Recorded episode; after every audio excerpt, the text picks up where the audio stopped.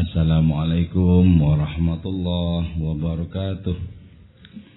Bismillahirrahmanirrahim. Hamdan wa sana'an laka ya Allah. Salatan wa salaman laka ya Habibullah. Wa ala alika wa ashabika ya khair halkillah Amma ba'du. Laka ya Rasulullah Wa li jami' man itab'adinaka ya Habibullah. Hakikatan min ladun Adam إلى يوم القيامة رضي الله لنا ولهم الفاتحة. أعوذ بالله من الشيطان الرجيم. بسم الله الرحمن الرحيم. الحمد لله رب العالمين. الرحمن الرحيم. مالك يوم الدين. إياك نعبد وإياك نستعين. اهدنا الصراط المستقيم. صراط الذين أنعمت عليهم غير المغضوب عليهم ولا الضالين. آمين. لتقربنا إلى الله تعالى لمحبتنا إلى رسول الله صلى الله عليه وسلم لسلامتنا في الدين والدنيا والآخرة لقضاء ديوننا لقضاء حاجاتنا من هوائج الدنيا والآخرة. لتيسير أرزاقنا حلالا طيبا مباركا كثيرا وسعا لشهد يشهدنا قلوبنا شأمراضنا ظهرا باطنا. لدفع البلايا والمحن والفتن والأمراض الأسقام ولمنافعنا لمصالحنا لأهل بيتنا. أولادنا وذرياتنا وجوارنا أصدقائنا وجميع المسلمين والمسلمات والمؤمنين والمؤمنات الأحياء منهم والأموات والعز الإسلام والمسلمين. بجودك يا الله بشفاعة نبيك يا الله ببركة أوليائك يا الله بأسرار الفاتحة. أعوذ بالله من الشيطان الرجيم. بسم الله الرحمن الرحيم. الحمد لله رب العالمين الرحمن الرحيم. مالك يوم الدين. إياك نعبد وإياك نستعين اهدنا الصراط المستقيم. صراط الذين أنعمت عليهم غير المغضوب عليهم ولا الضالين. آمين. بسم الله الرحمن الرحيم. قال المصنف رحمه الله تعالى ونفعنا بعلومه وأمدنا بأسراره وأفاض علينا من بركاته وبكم. آمين. La hajata tidak ada rasa butuh. Lisukrina bagi kemabukan kami ila syarab terhadap minuman. Wala hajata dan tidak ada rasa butuh. Li majlisina bagi majlis kami Ila tarabis sanjih kepada Adanya kegembiraan flut warribab dan rebab Fa innana karena sesungguhnya kami min sakin tanpa adanya betis itu wasna dan perempuan cantik wa mutrib dan penghibur wa khamratin dan khamar maftununah wa samilun ialah tergoncang kami wa samilun dan mabuk kami. Mithlu sukaril hanat sebagaimana mabuk di warung-warung atau di kedai-kedai Sarabun adapun minuman fi hadhil halaqati pada halaqah ini min duni ka'sin ialah tanpa gelas wa kababun adapun sate daging panggang fi hadzal sadri di dada ini min duni dukhanin tanpa asap. Fahadzari maka hati-hatilah engkau antakula kepada hendaknya menyatakan engkau inna siyaha rababil eskis sesungguhnya langkingan rebab cinta min midrabi ialah dari alat pemukulnya. Bal bahkan minar ribab nafsi dari adanya rebab itu nafsi dirinya itu rebab minar ribab dari rebab itu minal haqq dari Allah taala yang maha benar. Ya kejernihan hati yang mengantarkan kita kepada kenal siapa Allah kita akan menjadikan kita mabuk kepada Gusti Allah. Jadi kalau tidak ada hijab, tidak ada penghalang antara kita dengan Allah, pasti kita mengalami mabuk Allah. Orang tidak mengalami mabuk Allah karena masih banyak hijab yang belum bisa ditembus antara dirinya dengan Allah Subhanahu wa taala. Kalau hijab-hijab itu tersingkap, maka secara otomatis orang tertarik kepada Allah dibandingkan dengan tertarik kepada apa pun yang lain. Orang bisa merasa terhuyung-huyung karena seperti itu disedot oleh kemahaindahan Allah Ta'ala dibandingkan tertarik kepada yang lain-lain. Karena itu kemudian di sini ungkapkan La hajata li sukrina syarab. Untuk mabuk kami tidak membutuhkan minuman. Tidak membutuhkan minuman. Jadi, minuman yang dikonsumsi oleh orang-orang yang marifat, oleh orang-orang yang jatuh cinta kepada Allah, itulah yang disebut dengan tua ilahi, anggur rohani. Dengan sendirinya mabuk. Mabuk. Di dunia ini aku mabuk, kata Maulana Rumi. Dalam kubur aku mabuk, dalam mahsyar kelak juga aku mabuk. Ya. Ketika kita beragama dalam konteks yang seperti ini, sungguh menyenangkan. Berdekat-dekatan dengan Allah Ta'ala itu menyenangkan. Kita bisa menerobos seluruh makhluknya untuk merasakan Allah Ta'ala. Segala sesuatu ini sudah tidak berfungsi sebagai hijab. Kenapa? karena cinta sudah merobek segala hijab dan terjadilah percintaan yang abadi yang selamanya. Dan karena itu untuk mabuk tidak membutuhkan minuman. Kebutuhan minuman. Walau anggur tak pernah menyentuh bibirku, kata Syekh Fahruddin Iraqi ya. Walau anggur tak pernah menyentuh bibirku, oleh rindu aku mabuk enak ya. Padahal kan orang untuk sampai kepada kesenangan yang picisan itu ya. Itu kan membutuhkan vodka dan lain semacamnya. Itu merasa senang seperti itu. Itu tidak ada seujung kuku senangnya dibandingkan dengan mabuk yang tanpa anggur. Dibandingkan dengan mabuk kepada Allah, nggak ada seberapanya. Sudah buang-buang biaya, picisan lagi. Nah, Mabuk kepada Allah Ta'ala tidak membutuhkan biaya. Yang dibutuhkan apa?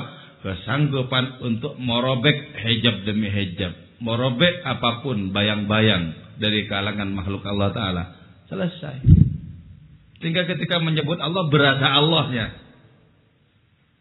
Ketika menyebut Allah berasa Allahnya.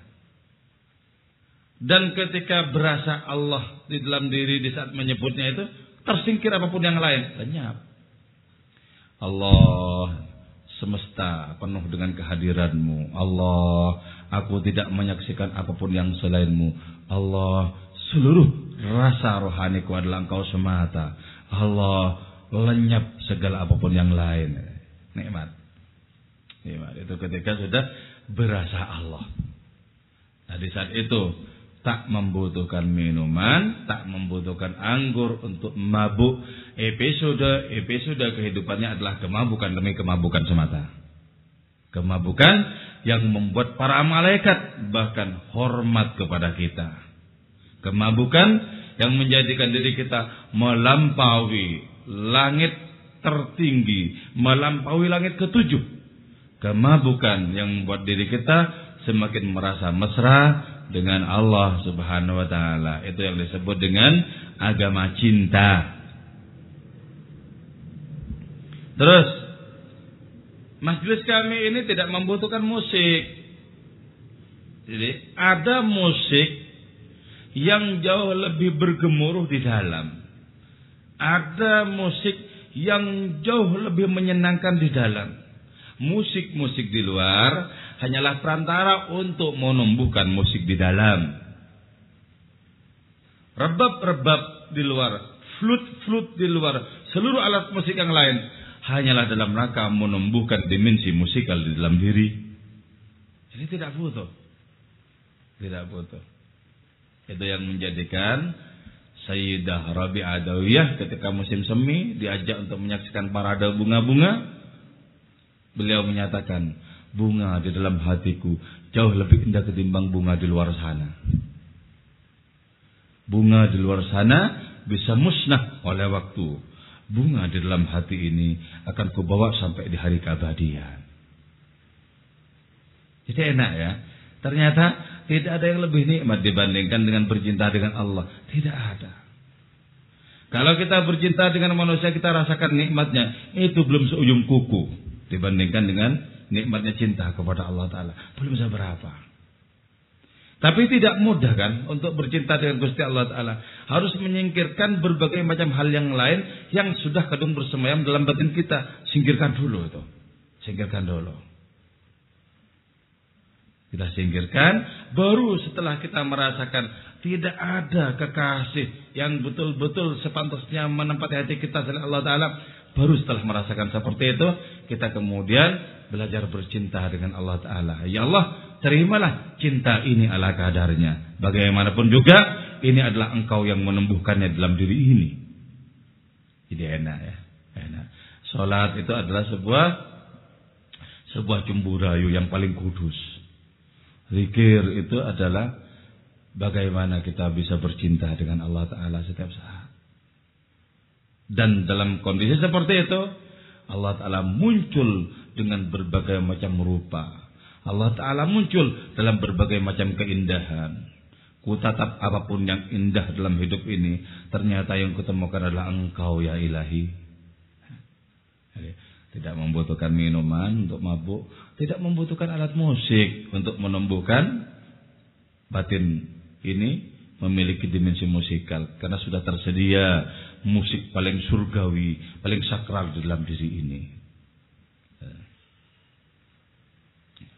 Kami ini, kata Maulana Rumi, kami para pemabuk ini, kami yang hidup terhuyung-huyung ini. Tanpa betis-betis perempuan seperti bagaimana di barbar. Tanpa apa-apa perempuan sebagaimana di barbar diskotik-diskotik. Tanpa perempuan cantik, tanpa penghibur, bahkan tanpa arak. Kami ini sudah ditakdirkan untuk mabuk kok. kami ditakdirkan untuk terhuyung-huyung karena jatuh cinta kepadamu ya ilahi. Tidak membutuhkan itu semua. Kemabukan kami jauh lebih bermutu ketimbang mabuk yang terjadi di kedai-kedai minuman di mana-mana. Jadi ya, di sini kata apa? Cinta itu melahirkan ma'rifat. Ciptakan degup-degup cinta dalam diri kita. Maka kita akan semakin kenal siapa Allah Ta'ala yang kita sembah setiap saat itu. Cintaan.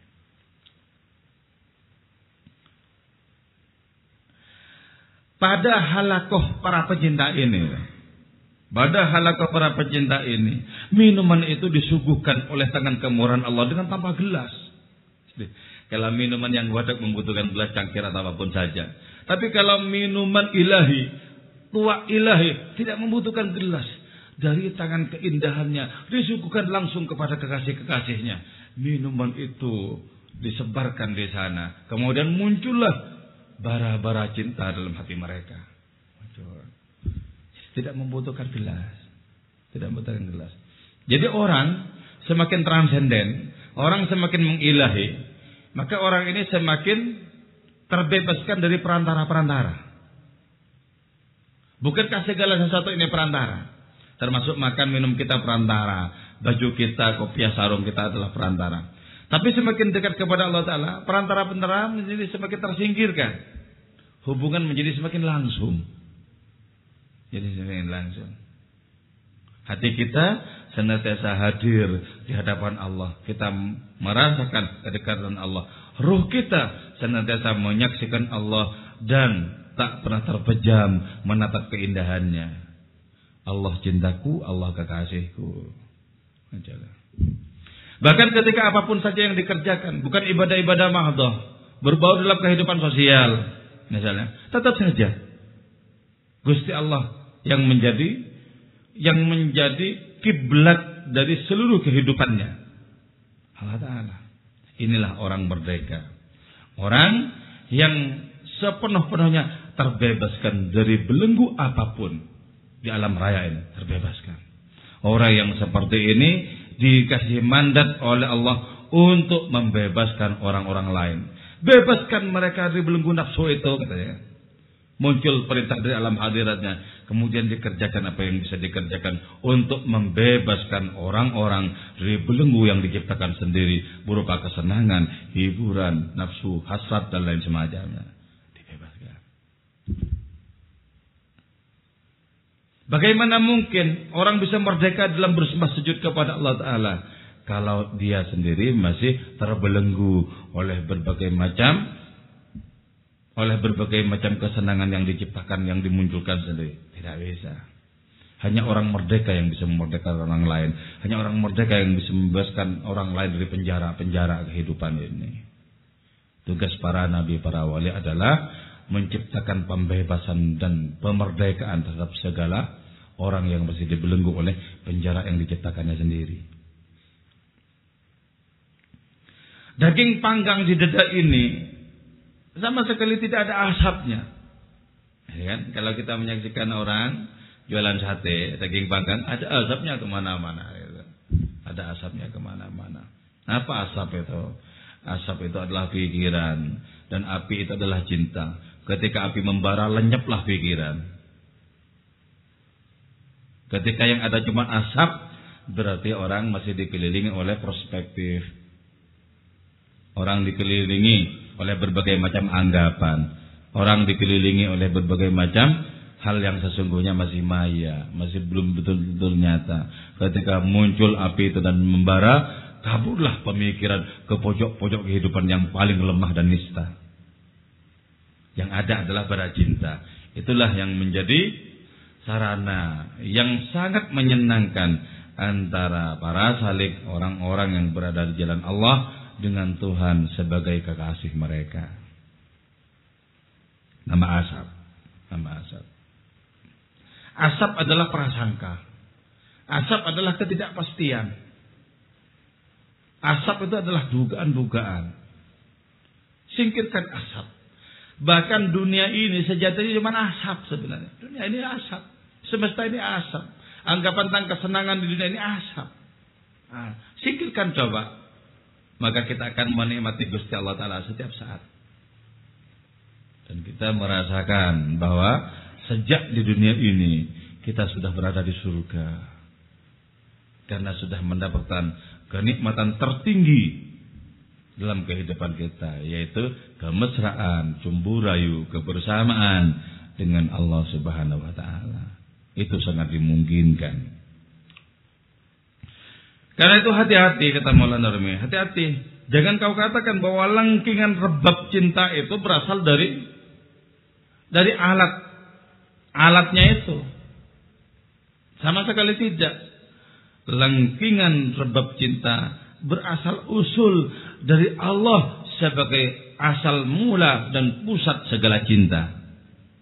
Jadi ternyata di sini di dalam batin kita ini ini bisa muncul musik-musik yang tidak pernah berhenti, yang tidak pernah kenal jeda.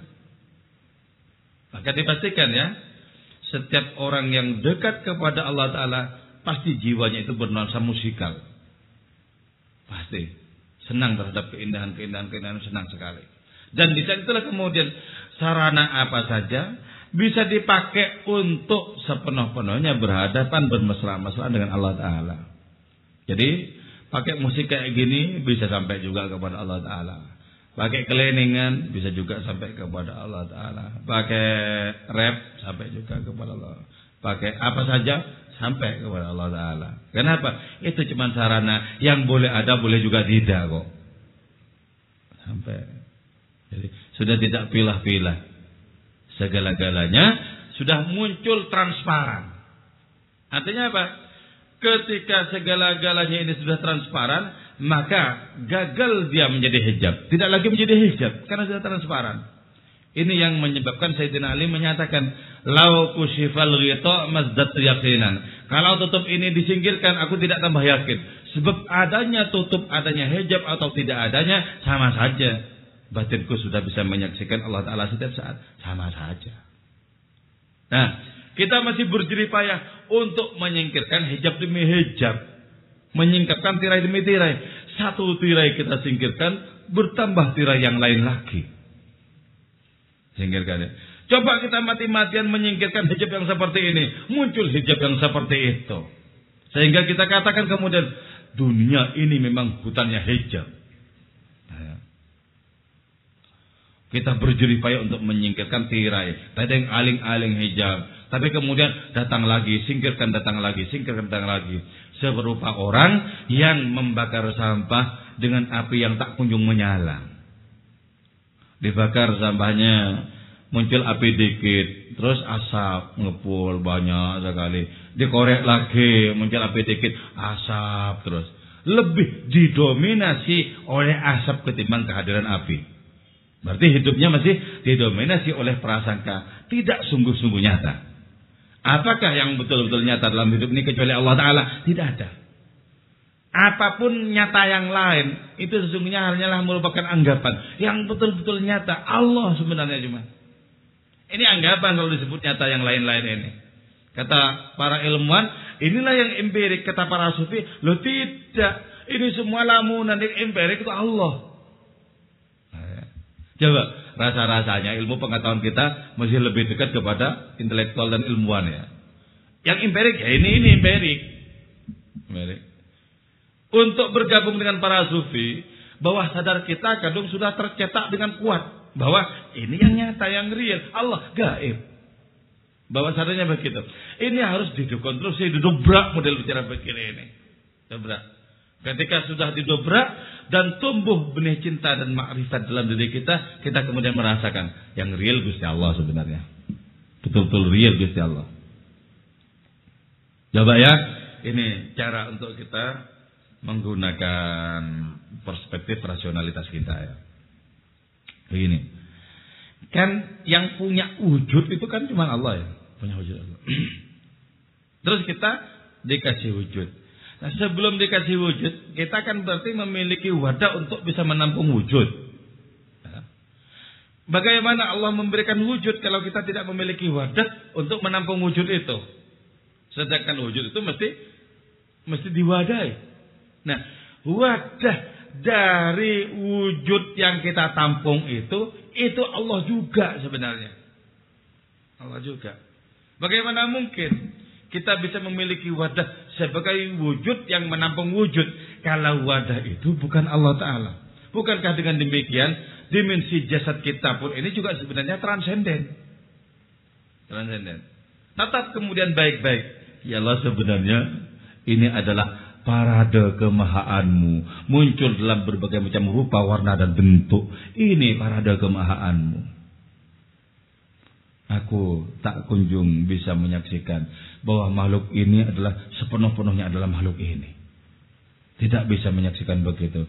Setiap kusaksikan ternyata engkau jua di sana. Ra'aituka ya ilahi fi suratil basar. Aku menyaksikanmu ya Allah dalam rupa manusia. Aku menyaksikanmu ya Allah dalam rupa orang yang berdiri, menyaksikanmu dalam rupa orang yang duduk, menyaksikanmu dalam rupa orang yang makan, menyaksikanmu dalam rupa orang yang minum, menyaksikanmu dalam rupa orang yang tidur. Maka ketika demikian, keanekaragaman itu ditekuk menjadi satu. Keanekaragaman hanyalah merupakan hal yang seolah-olah hakikinya sejatinya yang empirik tunggal adanya. Maka sampai kapan pun aku tidak akan pernah menemukan yang selain engkau. Kata selain di dalam syahadat, kau pakai ya Allah semata-mata untuk orang-orang yang masih kabur penglihatannya. Asyhadu an la ilaha illallah bersaksi tidak ada Tuhan selain Allah. Lah kok pakai kecuali? Ya. Berarti kalau begitu yang disebut selain itu masih dianggap ada. Kalau pakai kecuali. Yang selain masih dianggap ada. Tapi ketika yang disaksikan cuma Allah Ta'ala semata-mata, kata selain sesungguhnya harus nganggur, wajib nganggur. Enggak ada kata selain mestinya. Lah, pakai selain gimana? Wong memang tidak ada yang lain kok sampai kapan pun. Tidak ada yang lain.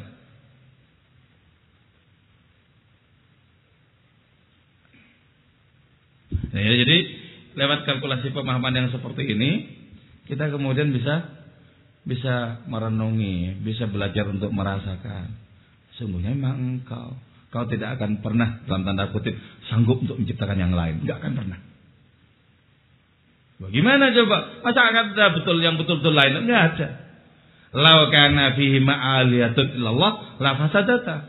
Kalau di langit dan bumi ada Tuhan-Tuhan yang selain Allah, hancur pasti. Langit dan buminya. Karena tidak ada siapa pun yang selain Allah Ta'ala. Maka inilah parade kemahaannya. Inilah dimensi Allah al-zahir kata Ibn Arabi.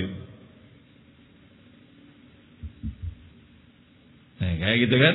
Bagaimana? Makanya yang paling diherankan itu bagaimana mungkin ketika dikepung oleh Allah Taala kok orang-orang tidak jatuh cinta kepada hadiratnya? Ini yang betul-betul mengagumkan. Orang diliputi oleh Gusti Allah Taala kok merasakan Allah Taala itu jauh. Betul-betul sesuatu yang menakjubkan. Kata kitab hikam ya, menciptakan filosofinya kitab hikam itu. Bahwa Allah itu menghijabmu dengan sesuatu yang sesungguhnya tidak ada. Allah itu menutupi kita sampai kita tidak menyaksikan Allah dengan sesuatu yang sebenarnya tidak ada. Sebab kalau sesuatu itu memang ada, berarti ada tandingan ada bagi Allah.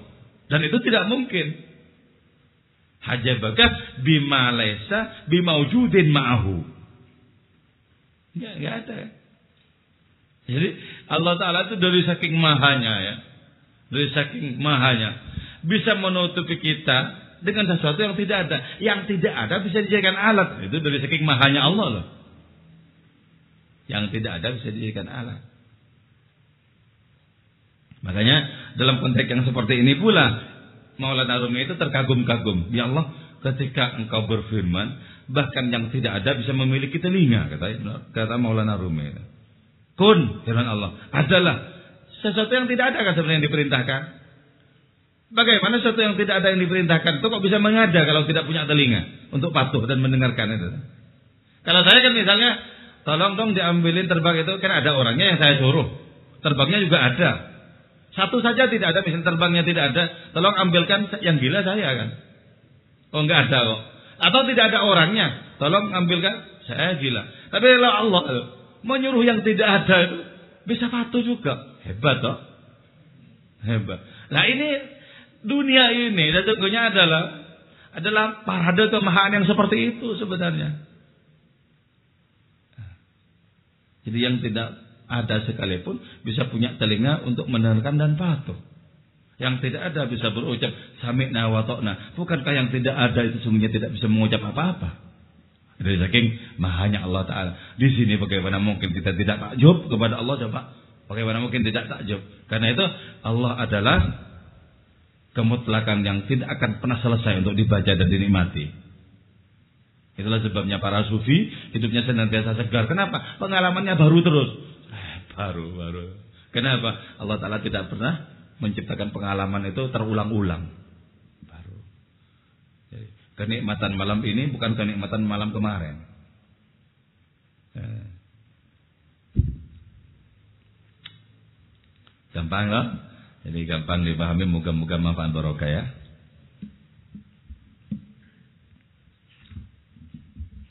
Nanti bayang-bayangnya seperti apa? Laha berkilau lil aini bagi mata. Apa? Khayalu dzalika Apa bayang-bayang mutiara as-safi yang jernih. Fi tilkal pada saat itu. Allati inhallah yang mengalir deras min hadrilati ad-dumu apa? air mata sarian dengan cepat. Fakultu fi khafain maka menyatakan aku fi khafain di dalam kesunyian siron dengan perlahan-lahan dengan sama rahasia fi udhunil ain di telinga mata daifun aziz seorang tamu yang mulia fazidi asyarab maka tambahkanlah minuman itu air mata itu nah Allah Ta'ala itu Allah Ta'ala itu sering kali memantulkan dirinya di dalam kejernihan orang-orang terkasihnya. Jadi Allah Ta'ala bisa kita jumpai di kehidupan orang-orang terkasih di hadapan hadiratnya. Bisa kita jumpai. Sifat-sifat Allah, ahlak-ahlak Allah bisa kita jumpai pada orang-orang terkasihnya. Itu yang disebut dengan apa? disebut dengan bayang-bayang, mutiara yang sangat jernih itu. Maka kalau di hadapan kekasih Allah Ta'ala kita memiliki rasa takzim, rasa cinta, itu berarti kita diperkenankan oleh Allah Ta'ala untuk tertarik kepada kemaha indahan hadiratnya.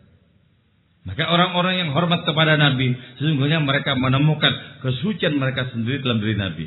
Orang-orang yang meludahi Nabi sesungguhnya itu adalah benci kepada kekotoran diri mereka sendiri. Maka kecintaan kepada Nabi itu, kecintaan kepada orang-orang suci, sesungguhnya adalah ingin menyatakan, ini loh, penglihatanku itu dibikin terang benderang oleh Allah sehingga tidak kabur aku menyaksikan. Inilah keindahan. Jadi kalau kita memuji orang lain itu sesungguhnya dalam rangka untuk mempertegas bahwa penglihatan kita itu sehat. Ya. Wah betapa cantiknya kamu. Dia ingin mengatakan sebenarnya penglihatanku tidak rabun. Coba kalau orang cantik, perempuan cantik misalnya, kemudian kita katakan, wah elek. Ia ingin mengatakan, aku terpicing-picing melihatmu. Aku tidak betul-betul nyata, tidak betul-betul gamblang menyaksikanmu. Maka orang jelas, ketika dibikin terang benderang penglihatannya oleh Allah Ta'ala, setiap saat, fi halin. Alhamdulillah, Alhamdulillah. Segala puji untukmu setiap saat. Tidak saja ketika dia bergembira, bahkan ketika dia menderita. Segala puji bagimu, segala puji bagimu. Keindahanmu tidak tertutupi oleh penderitaan ini. Jadi ya, itu sudah tembus begitu. Nah, untuk orang-orang seperti ini yang kemudian dijanjikan thuluthun yadkhulunal jannata bighairi hisab. Sepertiga umat Nabi itu masuk surga dengan tanpa diperiksa yaitu orang-orang yang setiap saat menemukan keindahan Allah tidak saja ketika dia bergembira di saat dia sedih menemukan kemahaindahan Allah taala itu sendiri yahmadun Allah taala ala kulli syiddatin wa memuji Allah taala dalam kondisi duka dalam kondisi suka memuji Allah taala semata-mata nah karena itulah kemudian diungkapkan bahwa afdolud doa alhamdulillah. Paling utamanya doa itu alhamdulillah. Alhamdulillah yang sesuai dengan realitas rohani seseorang.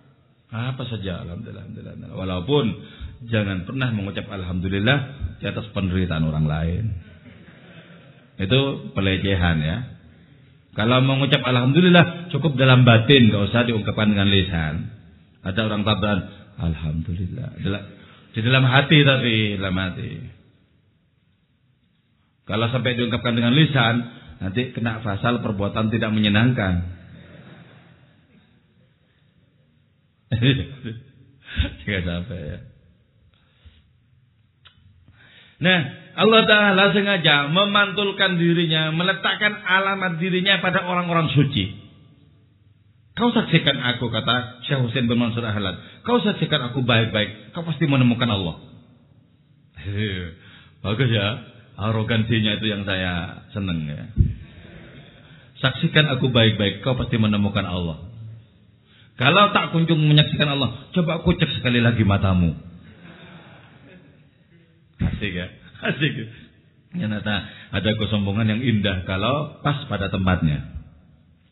Ada kesombongan yang memuakkan ketika dimunculkan oleh nafsu kelam seseorang.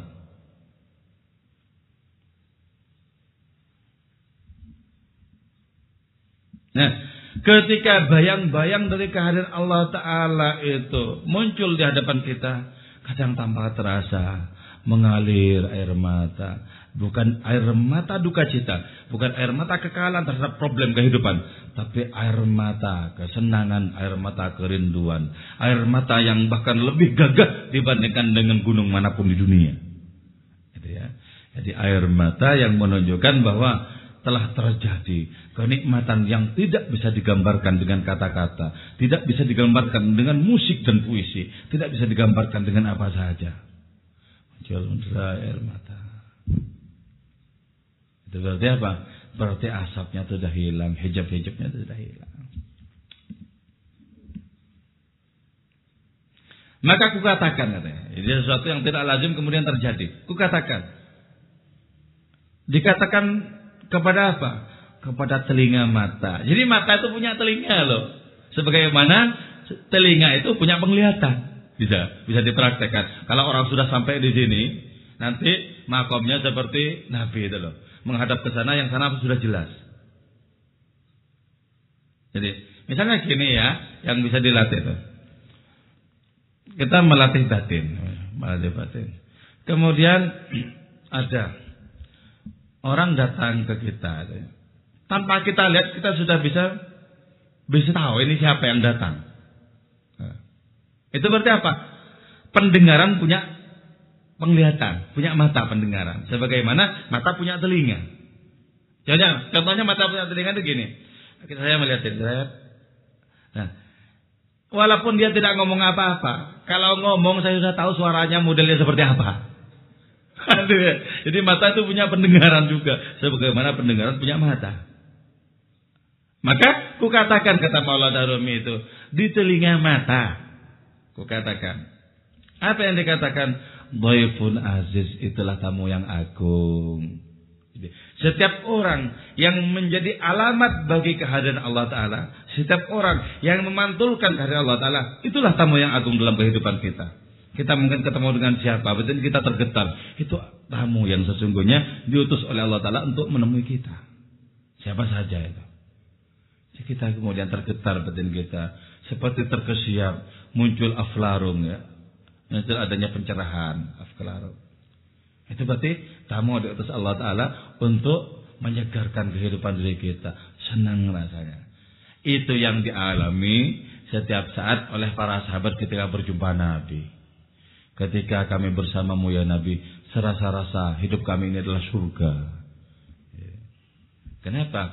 Karena yang paling kental menyimpan alamat Allah kehadiran Allah itu adalah nabinya. Bagaimana mungkin tidak surga? Itulah ayat Allah terbesar, itulah nikmat Allah teragung. Waman huwal ayatul kubra li mu'tabirin, waman huwa ni'matul uzma li mughtanimi. No, ayat terbesar itu, kenikmatan teragung itu kemudian disaksikan. Kita misalnya ya, ini kita bisa menerapkan telinga punya mata. Ya, kita terapkan sekarang misalnya ya. Saraita min haramin lailan ila haramin kama saral badru fi dajid min zulami. Engkau berkisaran di angkasa raya wahai nabiku sebagaimana purnama yang melintasi angkasa. Kita cuma mendengarkan itu. Tapi pendengaran kita yang punya mata bisa membayangkan seperti apa Nabi itu Isra. Sebagaimana purnama raya berjalan di angkasa. Waduh. Dan semesta tenggelam di dalam cahaya. Nah, pendengaran punya mata.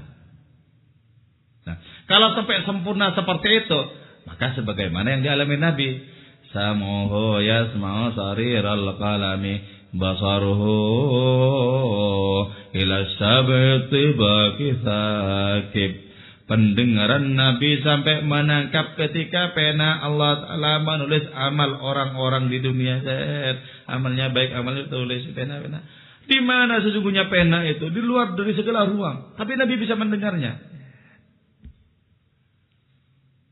Penglihatan beliau bisa menembus tujuh lapis langit.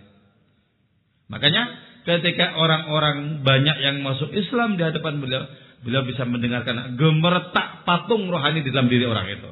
Jadi patungnya itu ya, berhalanya itu retak jatuh ya. Jadi Nabi bisa mendengarkan. Padahal orang itu kan cuma bersahadat. Orang-orang lain tidak bisa mendengarkan. Tapi bisa mendengarkan Nabi itu. Patungnya sudah hancur dalam batinnya. Nah, dari mana itu? Dari penglihatan, pendengaran dan dan peng, dari ketajaman pendengaran dan penglihatan. Nah, ketika sudah ada tamu agung yang diutus oleh Allah Ta'ala untuk mencerahkan diri kita, fazidi syarab. Tolong dong tambahi. Tolong isi lagi dengan tua rohani hidupku ini. Tolong isi lagi. Jadi lama-lama apa? Lama-lama ketika sudah semakin dekat bukan perkara minuman atau tua rohani itu bukan. Tapi sudah lebih tertarik kepada yang mengantarkan minuman itu. Itulah Allah taala.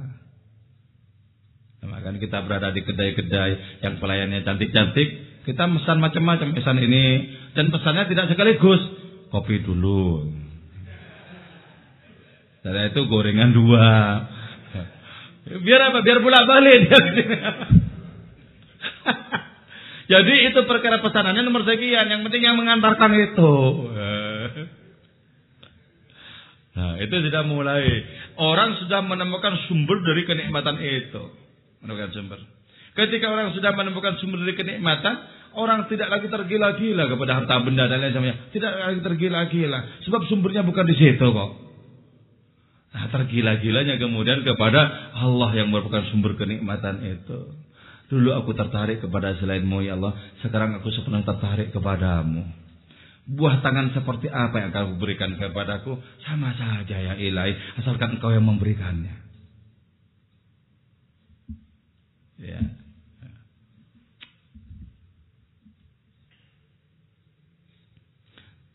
Ada yang mau ditanyakan?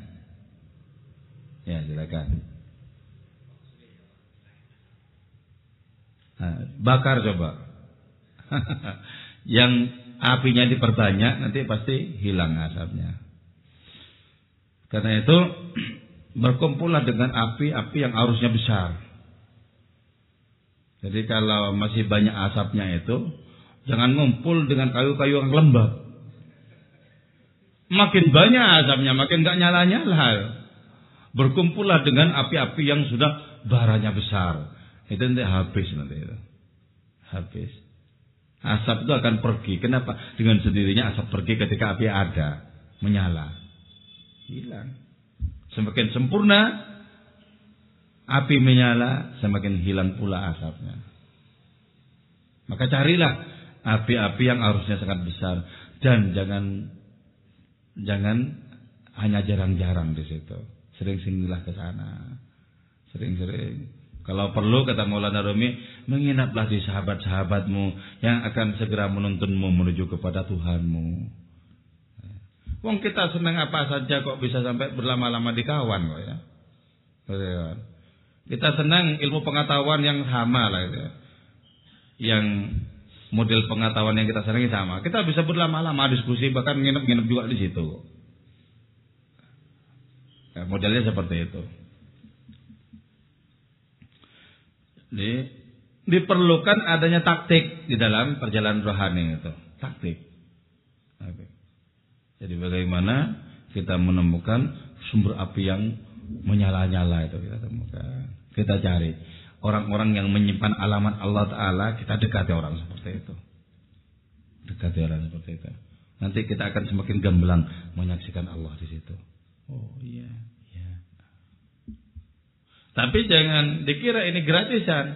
Kita juga memiliki nafsu yang ingin menjauh dari api-api yang menyala. Pengennya yang kelam-kelam.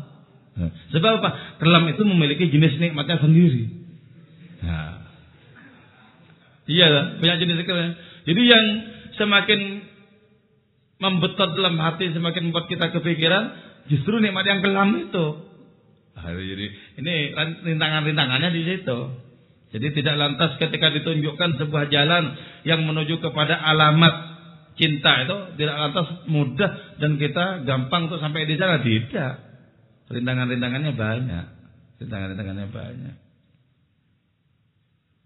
Tidak lantas mudah ya. Kalau mudah dengan cara ditunjukkan seperti itu, bagaimana nanti Allah Ta'ala menyaksikan adanya kesungguhan itu? Hatta na'lamal mujahidin minkum Jadi Allah Ta'ala menguji itu sampai akhirnya Allah Ta'ala menyaksikan siapa yang sungguh-sungguh di antara kalian. Ya, sungguh-sungguh. Nanti kan ada bedanya antara yang sungguh-sungguh dengan orang yang malas-malasan. Kalau kemudian tidak ada perjuangan, bagaimana bisa membedakan yang sungguh-sungguh dan yang tidak memiliki upaya apa-apa? Dicari, cari, cari. Mumpung zaman ini masih menyimpan orang-orang yang memiliki kehadiran Allah Ta'ala. Cari. Sampai akhirnya kita memiliki kekuatan yang tidak akan surut lagi bahkan ketika kita diletakkan di tengah kekelaman-kekelaman kehidupan. Bisa ya kalau sudah ibaratnya anak kecil itu sudah invitom sudah disapih dan sudah tidak tergantung lagi kepada tetek disapi. Dan karena sudah disapi, maka dia sehat. Badannya sehat. Sementara kalau kita masih gampang berubah, itu berarti kita irtidok masih menyusu. Kalau masih menyusu seperti itu, masih gampang berubah oleh persoalan-persoalan kehidupan, jangan jauh-jauh dari ibu rohani. Jangan jauh-jauh. Sekali menjauh, masuk angin, bersin-bersin, kena DB, langsung habis. Dan tanyakan lagi.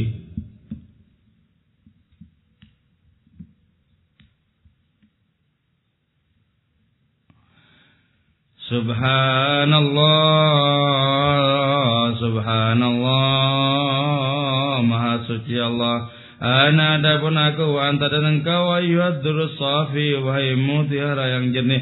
Mukhtalifani ialah berbeda daiman selamanya fi kulli babin pada setiap pintu.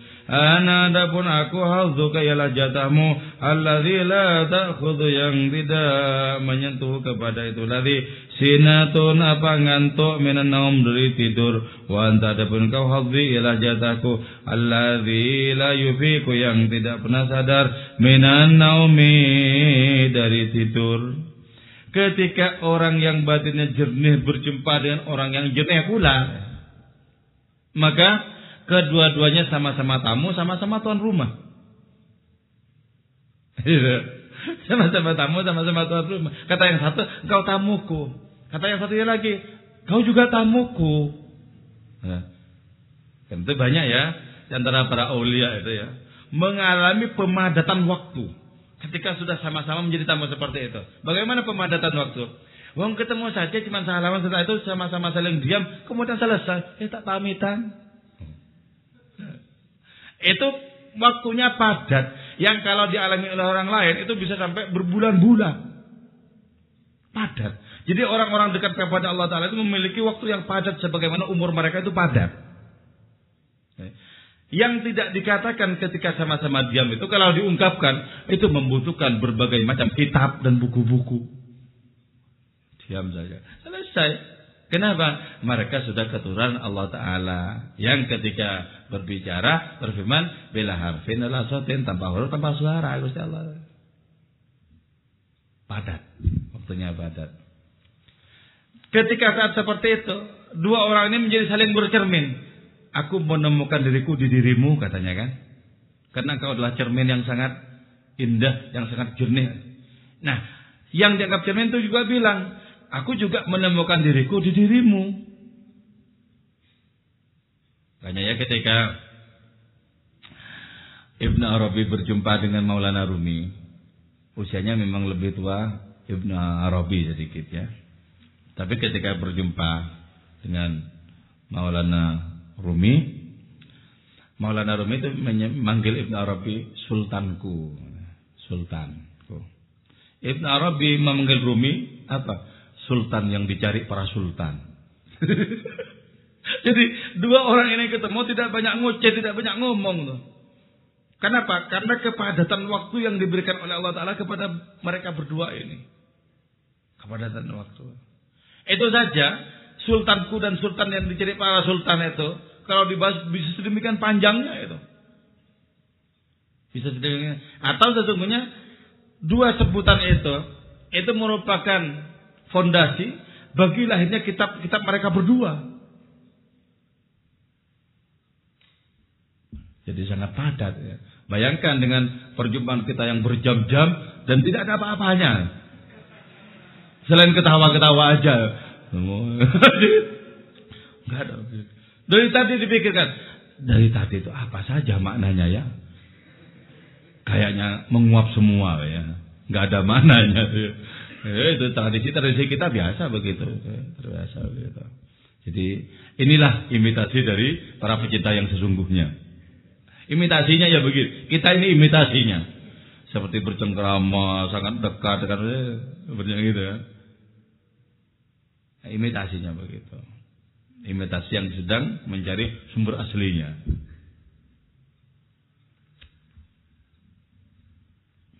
Jadi dua orang yang berjumpa ini berbeda. Berbeda. Tapi sekaligus sama. Berbeda karena Allah menciptakan warna mereka berdua tidak sama. Sama karena sesungguhnya secara hakiki mereka adalah merupakan prototipe kehadiran Allah Subhanahu wa taala. Sama. Anna hazuka katanya kan. Aku ini adalah jatahmu. Kau bisa mengambil apa saja dariku. Wa anta engkau adalah jatahku. Bisa mengambil apa saja aku darimu. Jadi, kenapa bisa begitu? Karena orang yang menyimpan kehadiran Allah Ta'ala itu, itu berarti menyimpan segala-galanya. Menyimpan segala-galanya. Sehingga menemukan tambang kenikmatan berada di situ.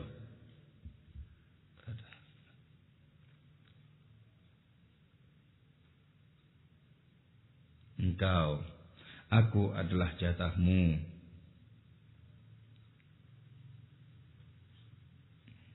Aku adalah jatahmu yang sama sekali tidak pernah tersentuh kantuk. Jadi satunya nyalang terus, tidak pernah terkantuk-kantuk. Batinnya menyaksikan, terperangah terus kepada Allah Taala. Satunya lagi apa? Antahbi. Engkau adalah jatahku yang tidak pernah sadar. Mabuk terus. Gimana itu? Satunya nyalang sedemikian sadarnya, satunya tidak pernah sembuh dari mabuknya. Tapi sesungguhnya orang mabuk di jalan Allah Ta'ala itu, itu memiliki seratus kesadaran dibandingkan dengan orang-orang yang sadar. Jadi orang mabuk di jalan Allah justru makin cerdas. Tapi kalau orang yang mabuk-mabuk di jalanan yang terhuyung-huyung itu, itu bodoh banget itu. Bodoh sebodoh-bodohnya. Tidak ada orang yang lebih bodoh ketimbang orang seperti itu. Ya. Jadi nalarnya itu sudah nalarnya itu sudah sobek. Sudah rusak nalarnya. Tapi kalau mabuk di jalan Allah Ta'ala, ada kecerdasan-kecerdasan yang tak dimiliki oleh banyak orang. Ada kecerdasan yang tak dimiliki oleh banyak orang. Karena itulah tuh fakir. Jangan banyak berpikir. Berpikir itu justru merintangi kobaran api cintamu kepadanya. Jangan banyak berpikir, mikir macam-macam. Oh, ini itu ini itu. Seolah-olah yang dipikirkan itu nyata, padahal ya enggak. Mikirkan teori-teori, konsep-konsep, rumus-rumus, kan enggak nyata semua. Seperti orang yang kuliah jurusannya matematika, menghitung uang yang tidak ada. Ngapain sebenarnya? Itu buang-buang kerjaan, buang-buang umur.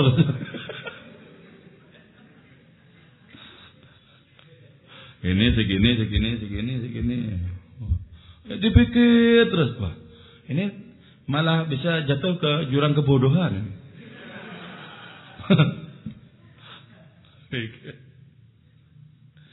Nah, fakir. Jangan. Jangan. Jangan banyak berpikir. Waslim nafsaka, nafasaka. Serahkan nafasmu itu. Linaum bagi tidur. Serahkan kepada tidur. Tidur apa? Tidur dari apa pun yang selain Allah. Katakan kepada dunia, aku tidur ya, jangan aku ganggu. Aku tidak punya perhatian kepadamu. Ya.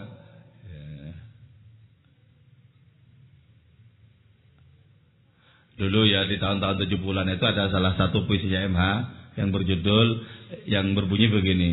Kawan aku mau tidur, tolong bantu doa aku agar tidak pernah bangun lagi. Walaupun juga maksudnya belum tentu ke sini ya. Tapi bisa dipakai untuk sarana penjelasan lah maksudnya.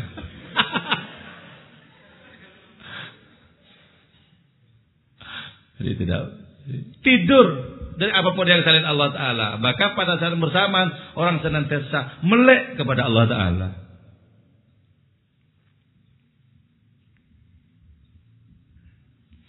Sebaliknya sama kan? Wa anta. Eh, karena tafkir fi wajhil qamar hijabun ya. Karena banyak berpikir itu pada wajah rembulan justru menutupi rembulan itu sendiri. Menyaksikan rembulan indah, menguasai malam hari. Pikirkan, waduh teori ini, teori itu, ini terbelahnya begini, begini. Wah, gak bisa merasakan keindahannya. Kok dipikir? Itu dinikmati bukan dipikir di hadapan perempuan yang cantik, jangan berbicara teori-teori kecantikan. Percuma. Bagaimana kita tersedot oleh kecantikan itu? Itu baru betul cerdas ya. Malah berpikir tentang teori teori kecantikan. Kalau perempuan yang wajahnya tirus, ini, ini wah diulas. Ulasan-ulasan itu mengganggu selera rasa. Makanya diragukan orang yang masih banyak berbicara teori-teori bahwa orang ini sudah mengalami, diragukan. Boleh jadi dia memaksakan diri untuk mengalami, tapi tak kunjung mengalami. Karena tak kunjung mengalami, dia paksakan dirinya dengan teori-teori. Ini, ini, ini. Gak bagus. Tapi ada sesuatu yang menjadi kebalikannya ya. Ada seorang sufi yang diuji kesufiannya itu dengan cara dilempar ke kandang harimau. Lempar, wah, kandang harimau. Harimaunya itu seperti tertegun ya, seribu bahasa diam saja. Sufinya itu juga diam. Diam, enggak ngapa-ngapain. Ketika ditanya setelah dientaskan itu dari kandang harimau, ditanya sufinya itu, tadi kok sampean diam, tapi juga kok harimaunya diam. Saya masih sebenarnya saya masih dari tadi itu saya terfokus untuk merenung tentang apa? Tentang macam-macam gigitan harimau. Jadi karena merenung begitu justru nggak takut sama harimaunya, nggak takut. Jadi yang terjadi kebalikannya. Kadang ya, kadang merenungi sesuatu dan mengalihkan perhatian itu bisa menyelamatkan kita. Di Cina itu dulu tahun-tahun 80-an pernah dicoba sebuah pengalaman yang mengerikan ya. Ini di lantai gini ini ada bara-bara api. Terus ada 10 orang suruh melintas di antara bara api itu. Tapi sebelumnya sudah dikode. Yaitu pikiran 10 orang ini dikondisikan untuk merenungi hal-hal yang lain. Anggap saja tidak ada api. Di antara yang 10 orang, cuma satu yang nggak lolos. Yang merasa panas. Yang sembilan itu nggak merasa panas. Kenapa? Karena pikirannya itu ditarik untuk merenungi hal yang lain-lain. Sehingga tidak merasakan ini api itu. Nah yang satu itu paling apes saya kira. Karena macam dipaksa untuk disingkirkan pikirnya kepada hal yang lain-lain, tetap saja tetap api ini, tetap api, kena beneran. Nah benar. Itu fakir ya. Jangan banyak berpikir, serahkan saja nafasmu kepada tidur, tidur dari selain Allah Taala. Kenapa? Karena banyak berpikir pada wajah rembulan justru merupakan hijab di balik hijab. Pikiran itu diperlukan kapan? Diperlukan ketika kita memiliki perencanaan. Ketika kita sudah menikmati apa yang kita rencanakan, buang jauh-jauh pikiran biar menjadi biar tidak menjadi pengganggu. Minggir, minggir, minggir, minggir. Anak kecil minggir. Anak kecil. Karena pemikiran dan filsafat itu kata Maulana Rumi adalah kaki meja dari kayu yang sangat rapuh. Jadi dipakai hanya pada tempatnya, nanti pada saat-saat bercinta sudah tidak diperlukan sudah tidak perlukan. Jadi ada ada fase-fasenya tertentu, ada makomnya tersendiri, kapan diperlukan dan kapan tidak diperlukan. Karena itu diragukan cinta seseorang yang di hadapan kekasihnya masih membacakan surat-surat cinta. Kepada engkau kekasih masih dibaca surat. Apa artinya surat? Surat tidak ada gunanya di hadapan kekasih. Al-qalbu mithlul qamar. Al-qalbu adapun hati mithlul qamar ialah sebagaimana rembulan. La tadha fil qalbi qalaqan. Jangan kau letakkan fil hati itu qalaqan terhadap kegundahan. Jangan jangan letakkan kegundahanmu di hatimu itu jangan. Itu justru akan menghambat kesaksianmu kepada keindahan kekasih. Gundah. Jangan. Karena itu pintar-pintarlah untuk menjadi berbahagia mengisi kebahagiaan ke dalam hati itu. Al-qil fil yami. Lempar itu jauh-jauh. Kegundahan itu di samudra sana. Jadi kalau yang memiliki kegundahan, cepat-cepat ke perang kritis, buang kegundahannya. Kubuang kau di sini. Nah, ini makna harfiahnya ya. Kalau secara hakiki tidak memerlukan kalau sana. Maksudnya apa? Usir jauh-jauh kegundahanmu itu dengan menyaksikan keindahan-keindahan Tuhanmu. Usir jauh-jauh. Jadi nggak usah gundah diputus perempuan apa nggak usah gundah. Itu cuma perkara sepele kok. rasa gundah. Yang sebaiknya bukan kita yang menanggung begitu itu. Jangan gundah. Kalau cuma ini hilang itu, ah katakan saja begitu sepele kau di hadapanku gitu. Jangan gundah.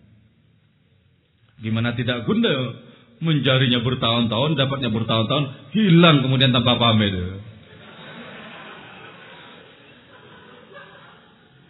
Ah, oh, gundah hancur leburlah tulangnya. Ya. Kalau orang memasuki dunia sofis memasuki dunia keilahian, gagah orang itu. Gagah. Lahir batin itu menjadi gagah. Pantangan untuk disergap oleh berbagai macam kegundahan dan kepedihan pandangan. Jadilah orang-orang yang gagah yang bisa melampaui berbagai macam persoalan lamuset. Saya bagaimana Raja Wali, Raja Wali Ilahi. Syekh Abdul Qadir Jalani julukannya itu apa? Al-Bazi. Yaitu Raja Wali Rohani.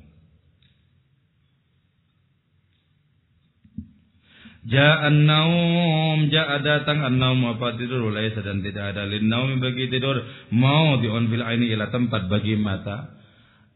Tidur itu memang datang kepadaku, tapi mataku tidak memiliki tempat untuk tidur. Jadi gampang diusir. Kalau orang yang terkantuk-kantuk itu karena tidak jatuh cinta. Kalau jatuh cinta, ya enggak Masa di hadapan perempuan cantik misalnya terkantuk-kantuk, usir saja. Masa ngapelin kok ngantuk ya? Kan memalukan. Memalukan. Udah ngapelin, gagah berkumis ngantuk. Wah. Memalukan. Oh, suruh pulang saja. Tak layak jadi pecinta. jadi tidur itu memang datang. Tapi mata tidak memiliki tempat. Bagi tidur itu. Itu gambaran tentang para pecinta. Karena itu para pecinta itu tidur mata lahiriahnya batinnya tetap deras dialiri oleh cinta kepada Allah Taala. Jadi mimpi-mimpinya itu adalah mimpi-mimpi percintaan dengan dengan Tuhannya. Mimpi-mimpinya. Ya.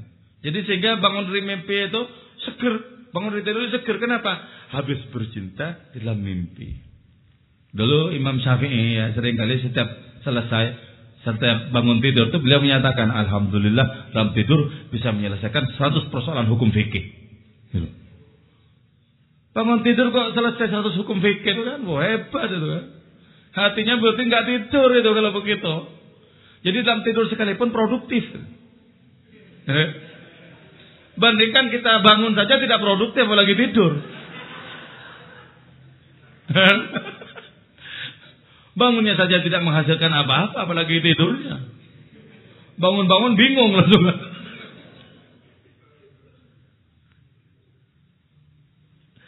Falainu maka adapun mata bisa babika lantaran engkau mamluatun ialah penuh binari wal ma'i dengan api dan air sekaligus. Mata ini lantaran engkau ya kekasih penuh dengan api, penuh juga dengan air. Apakah api? Api itu cinta. Apakah itu air? Adalah keteduhan bagi sesama. Coba, apa masih tidak tertarik mengikuti agama cinta kalau begini? Kalau agama tidak sampai kepada agama cinta, berarti adalah agama kepatuhan yang boleh jadi di situ ada kebosanan demi kebosanan. Kemarin sholat begini, sekarang sholat begini. Kok nggak rampung-rampung? Bacaannya sama, gerakannya sama. Makanya hambar dilakukan kemudian kan. Kenapa? Tidak ada greget cinta. Kalau cinta, ya, biarpun yang sama, hal yang sama, tetap menggairahkan. Cinta soalnya. Sebab cinta itu bisa mengusir rasa bosan jauh-jauh. Hilang bosan tidak dapat para pecinta, hilang. Karena itu tidak ada kesetiaan yang lebih kukuh dibandingkan dengan kesetiaan para pecinta.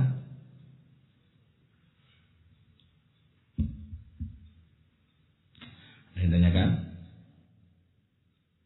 Ada enggak? Moga-moga manfaat barokah. Amin. Mohon maaf atas segala kehilafan. Wassalamualaikum warahmatullahi wabarakatuh.